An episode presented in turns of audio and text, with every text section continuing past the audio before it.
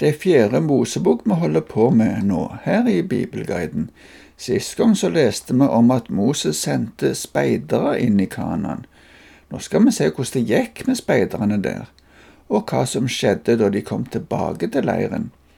Først ser vi på ekspedisjonen.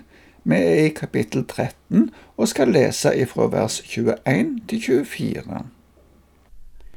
Så dro de av sted og utforsket landet fra Sinørkenen til Rehob Belebohamat.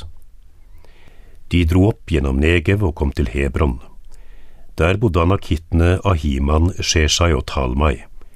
Hebron var bygd sju år før Soan i Egypt. Da de kom til Eshkoldalen, skar de av en vinranke med en drueklase. To mann bar den på en stang. De tok også granatepler og fiken. Dette stedet ble kalt Eskoldalen etter den drueklasen som israelittene skar av der. Speiderne drog gjennom hele landet, helt opp imot Hamat, som ligger på grensen til Syria, men i vår tekst er det ikke mye av rapporten som er gjengitt. Hebron er framheva som en sterk by der det bodde anakitter. Seinere i kapittelet ser vi at de ble sett på som kjemper. Ellers blir det framheva fruktbarheten i Eshkoldalen. Derifra tok de med seg en drueklase som var så stor at den måtte bæres av to personer. Men etter 40 dager så skulle speiderne tilbake. Vi leser videre ifra vers 25 til 33. Da 40 dager var gått, vendte de tilbake etter å ha utforsket landet. De kom til Moses og Aron og hele Israels menighet i Kadesh i Paranørkenen. De avga rapport til dem og til hele menigheten og viste dem frukten de hadde med fra landet. Til Moses fortalte de, Vi kom inn i det landet du sendte oss til. Det flyter virkelig med melk og honning, og dette er frukten som vokser der.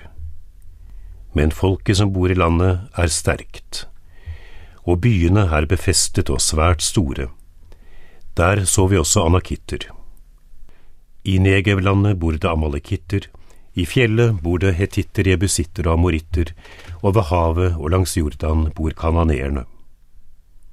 Kaleb roet ned folket foran Moses. Kom, så går vi opp og inntar landet, sa han, vi kommer helt sikkert til å seire over dem. Men de mennene som dro opp sammen med ham, sa, Vi kan ikke gå til angrep på dette folket, for de er sterkere enn vi. De satte ut rykter blant israelittene om landet de hadde utforsket. De sa, Det landet vi dro gjennom og undersøkte, er et land som fortærer dem som bor der. Og alle folkene vi så, var storvokste menn. Der så vi kjemper også. Anakittene hører til kjempene. I egne øyne var vi som gresshopper, og det var vi i deres øyne også. Rapporten understreker at det var et godt land. Det flyter virkelig med melk og honning, sa speiderne. Men da de begynte å snakke om folket som bodde der, ble det uro i leiren. Caleb prøvde å roe ned folket, og seinere skal vi se at også Josva var med på det. Men de ti andre fortsatte med å spre mismot. De sa at de følte seg som gresshopper i forhold til de som bodde der, og at det aldri ville bli mulig å innta det landet. Men uroen i leiren bare økte. Vi går over til kapittel 14 og ser litt mer av denne dramatikken. Først leser vi ifra vers 1 til 4. Da brøt menigheten ut i høye rop, og folket gråt den natten. Alle israelittene klaget til Moses og Aron. Hele menigheten ropte til dem, bare vi hadde fått dø i Egypt eller her i ørkenen, bare vi hadde fått dø.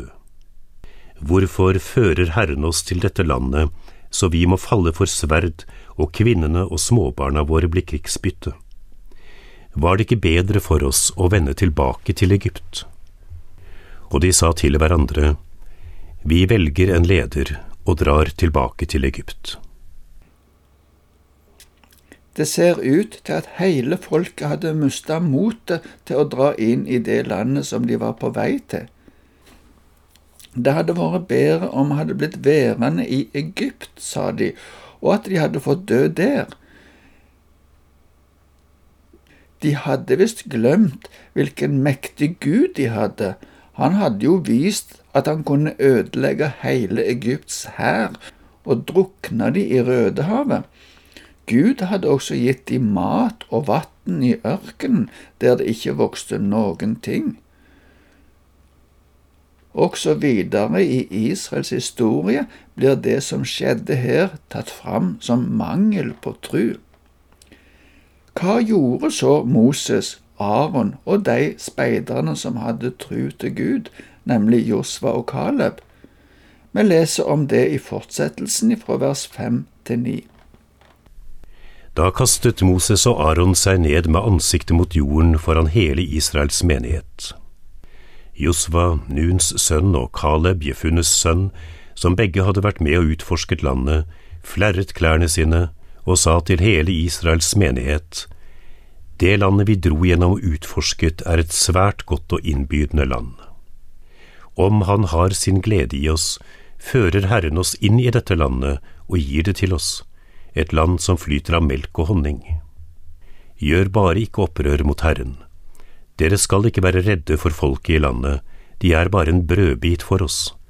Deres skygge har vendt seg bort fra dem, men Herren er med oss. Vær ikke redde for dem. De kasta seg ned med ansiktet mot jorda. Det tyder på bønn til Gud og forskrekkelse over mangelen på tru hos de andre. De som flerra klærne, viste med det fortvilelse og sorg. Josva og Caleb prøvde å oppmuntre folket med å si at det var et svært godt land som de var på vei til. De trodde at Herren ville føre de inn i dette landet. De prøvde å få folket til å ikke være redde for dette folket. De hadde ikke en slik en mektig Gud som Israel hadde.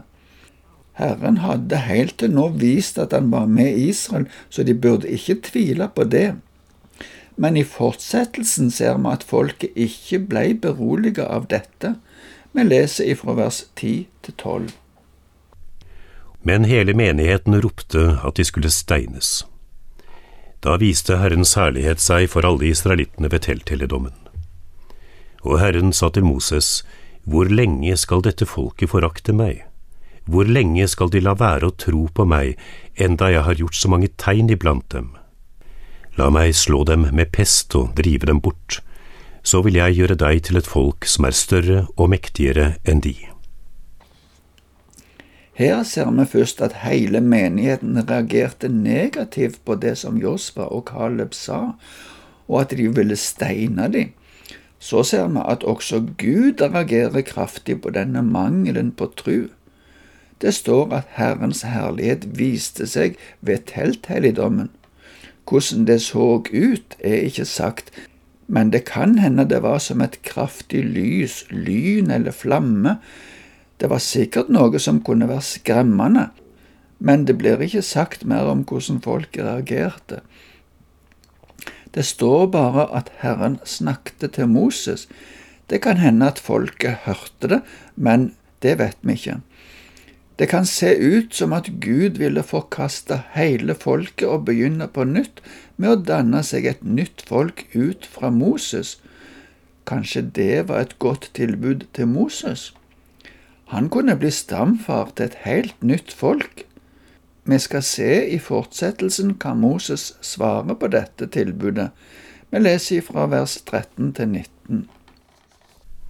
Moses sa til Herren, Egypterne har hørt at du med din kraft førte folket opp fra landet deres, og de har fortalt det til innbyggerne i dette landet. De har hørt at du, Herre, er midt iblant dette folket, at du viser deg for dem øye mot øye, Herre, når din sky står over dem, og at du går foran dem i en skysøyle om dagen og i en ildsøyle om natten. Lar du dette folket dø, alle som én, da kommer folkene som har hørt rykte om deg til å si, Herren maktet ikke å føre dette folket inn i landet som han med ed hadde lovet dem, så han slaktet dem ned i ørkenen. Men nå, Herre, vis din store makt slik du har sagt det. Herren er sen til vrede og rik på miskunn. Han tilgir skyld og lovbrudd, men lar ikke den skyldige slippe straff. Han straffer barna i tredje og fjerde ledd for fedrenes synd. Tilgi i din store trofasthet den synden dette folket har gjort, slik du har tilgitt dette folket helt fra Egypt og til nå. I Salme 106, som er en av salmene som går gjennom Israels historie, så sies det i vers 23 om Herren at han ville utrydde de, men Moses, hans utvalgte, la seg imellom og stansa hans ødeleggende harme. Moses ville ikke være med på at Gud skulle ødelegge hele folket og begynne på nytt med å danne et folk ut ifra Moses.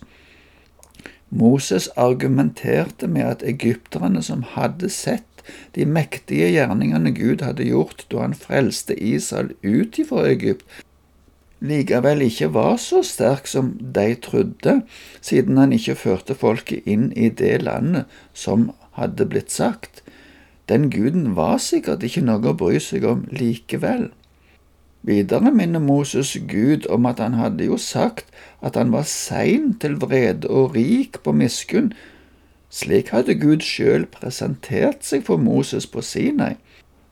Derfor ber Moses Gud nå om at han må tilgi folket, og så viser han til Guds store trufasthet og alt han hadde gjort hele veien ifra Egypt og fram til nå. Hva som skjer videre, må vente til neste gang, men vi skal ta med oss det som Moses sier. Gud er slik. Han er rik på miskunn, og han er trofast. Han vil tilgi, også i dag, også oss. Takk for i dag, og Herren være med deg.